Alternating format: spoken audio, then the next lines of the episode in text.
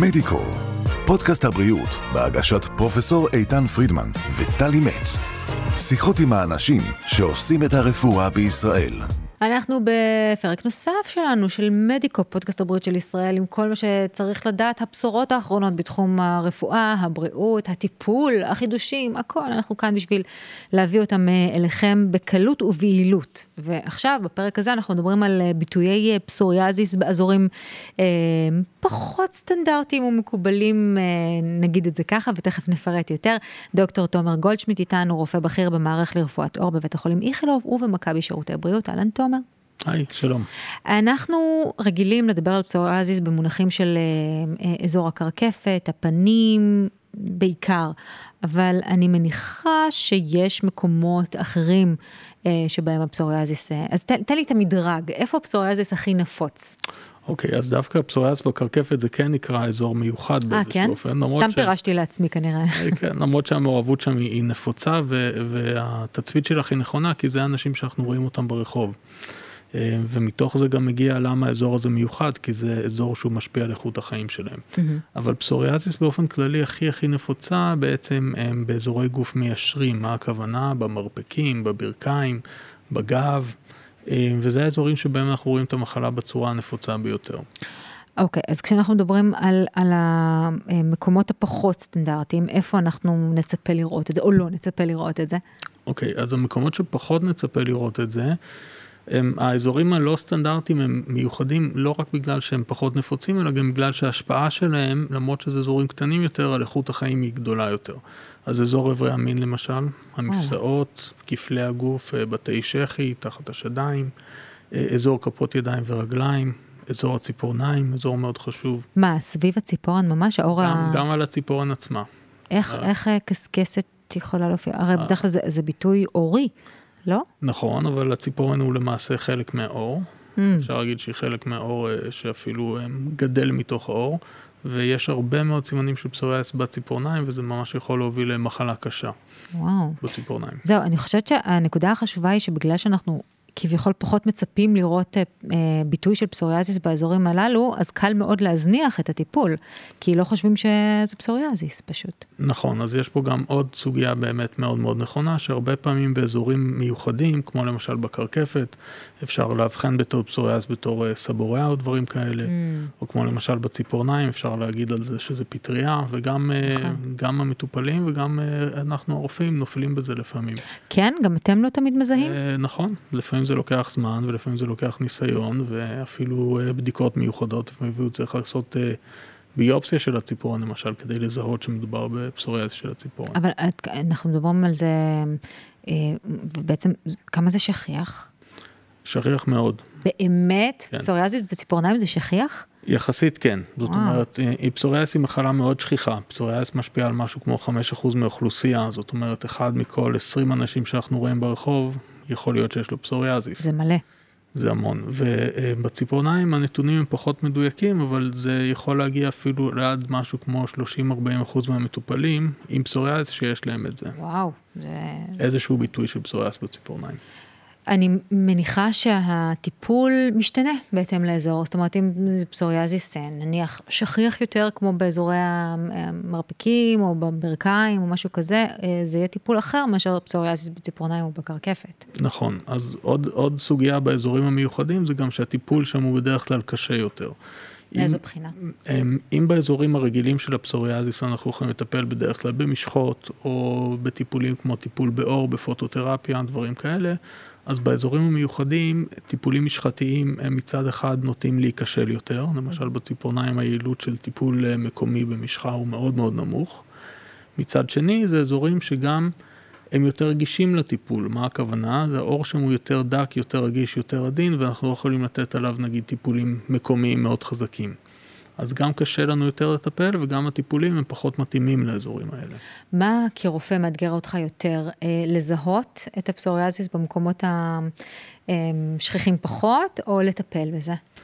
אה, גם וגם, שניהם הם אה, מאתגרים במידה מסוימת, ולמעשה כשאתה גומר את העניין של ההבחנה, אז אתה מגיע דווקא לחלק השני של המרוץ הזה, שזה באמת למצוא את הטיפול המתאים. כל אחד ומה שהוא אוהב וכל זה, אני באופן אישי אוהב אה, גם וגם, אבל אני... אה, לא יודעת אם אוהב זו המילה הנכונה. לא, מעדיף אולי. מעדיף, או...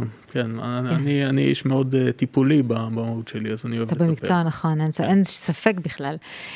אני יודעת שטיפולים ביולוגיים הם באמת ה... החידוש האחרון, למרות שהוא לא מאוד חדש, אבל החידוש האחרון בתחום הטיפול במחלת הפסוריאזיס, האם זה טיפול שתבחר, או שזה טיפול נכון גם לאזורים הפחות סטנדרטיים?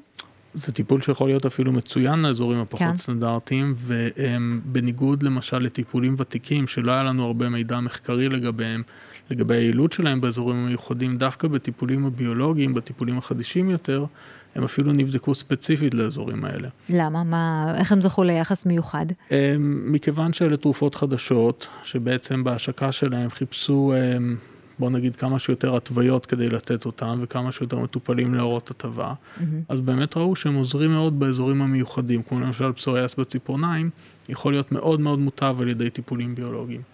ועל ידי הטיפולים הוותיקים הרבה פחות כנראה. כן.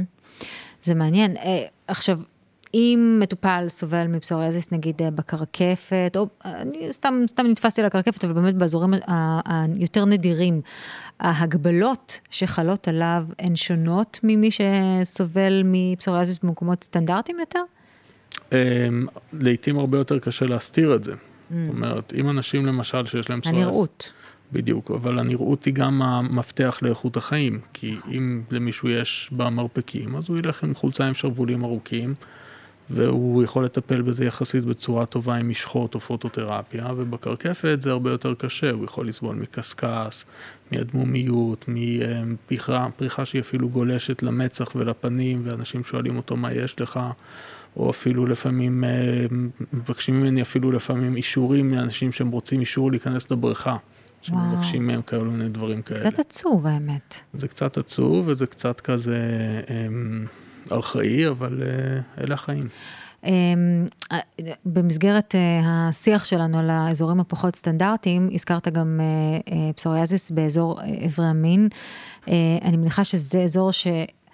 אם, אם פסוריאזיס זה משהו שככה גורם לפעמים לאנשים אי נוחות או הסתגרות מסוימת בגלל תחושה שלהם אינדיבידואלית, אז אני מניחה שזה על אחת כמה וכמה ביחסים בין אישיים, אולי אפילו בכניסה להיריון או דברים כן. מהסוג הזה. בהחלט, וזה גם, זה דווקא נושא שהוא נחקר, וגם מצאו באמת שההשפעה על, על איכות חיי המין ועל איכות הזוגיות של המטופלים שסובלים מהאזור הזה היא מאוד מאוד עמוקה ומשמעותית. אנשים לפעמים אפילו לא נכנסים לזוגיות בגלל המעורבות של האזורים האלה. אז זה אזור שהוא אמנם קטן, נגיד אה, אחוזים בודדים משטח גוף סך הכל, אבל המעורבות שלו ברגע שהוא מעורב היא קריטית לאיכות החיים. במיוחד שאנחנו חושבים שפסוריאס היא מחלה שמופיעה בגיל הצעיר יחסית, גיל ההתבגרות וכן הלאה. וזה לא? זה כן. זה מופיע כן, בעיקר זה- באזור גיל ההתבגרות. זה זאת אומרת, מתחיל באזור גיל זה ההתבגרות. מתחיל מוקדם הרבה פעמים, וכשזה מתחיל מוקדם אז גם ההשפעה על איכות החיים היא מאוד משמעותית. וזה גם גיל קריטי, גיל ההתבגרות, אה, ל- ל- ליצירת הביטחון שלנו שנעוץ במראה, או נכון. בכלל, הביטוי שלנו, היכולת לבטא את עצמנו. בהחלט. וואו. וכשמגיע אליך מטופל עם בעיה מהסוג הזה, בעיה מהסוג הזה באזור הזה, באזור בהכרח יותר אישי, אינטימי, רגיש, אה, ו- ו- וגם מביך, יש לומר, אה, ת- תבחר לטפל בו באיזה אופן. אז קודם כל, כשהמטופל מגיע, הוא הרבה פעמים לא מציין אפילו שיש לו את הבעיה באזור הזה. כך, צריך- דוקטור, יש לי בעיה? לא, אתה- רואה שיש לו פסוריאס ביתר הגוף, ורק כשאתה שואל אותו באופן Mm. מכוון או ספציפי, הוא, הוא בעצם מזכיר את זה. זאת אומרת, גם המטופל הם, בעצמו מצנזר את זה. וזה רק מראה את, ה, את העומק של הבעיה. כן. הם, עכשיו, הטיפולים בדרך כלל מתחילים בטיפולים מקומיים, במשחות מסוגים שונים, ואז אנחנו מתקדמים לטיפולים הוותיקים יותר, שזה תרופות שלרוב ניתנות דרך הפה. אפשר לתת טיפולים בפוטותרפיה, למרות שלפעמים לאזור איברי המין הם פחות מתאימים. וואו. ואז אפשר להגיע לטיפולים ביולוגיים. אני חושבת שהבשורה האמיתית מהשיח בינינו עכשיו, באמת לאלו מכם שסובלים מהבעיה הזו, בעיקר באזורים הרגישים יותר או נפוצים פחות, דעו שיש מה לעשות, יש פתרון, ו- ויש להתגבר על אי הנעימות, המבוכה או הבושה שאתם חשים כדי לזכות באיכות חייכם בחזרה, וזה אפשרי, זה ממש במרחק, אה, זה אפשרי וזה מאוד מאוד חשוב. כן. אז הנה, שמעו לדוקטור, לא לי. הדוקטור אומר, הוא יודע. אה, תומר, תודה רבה שבאת. תודה זה רבה. מאוד מאוד חשוב, מה שאמרת כאן, אה, בעיקר לאלו שחושבים שזו גזירת גורל אה, חשוכת מרפא, זה לא, זה לא. יש פתרונות. והם בהישג יד, וזה. חשוב לדעת. תודה רבה לך, אנחנו כמובן נתראה בפרק הבא שלנו של אה, מדיקו, פודקאסט הבריאות של ישראל, אנחנו נביא לכם עוד כמה בשורות, בעוד כמה תחומים. חכו. מדיקו, פודקאסט הבריאות של ישראל, בהגשת פרופסור איתן פרידמן וטלי מצ. עקבו אחרינו בספוטיפיי, אפל פודקאסט, גוגל ויוטיוב.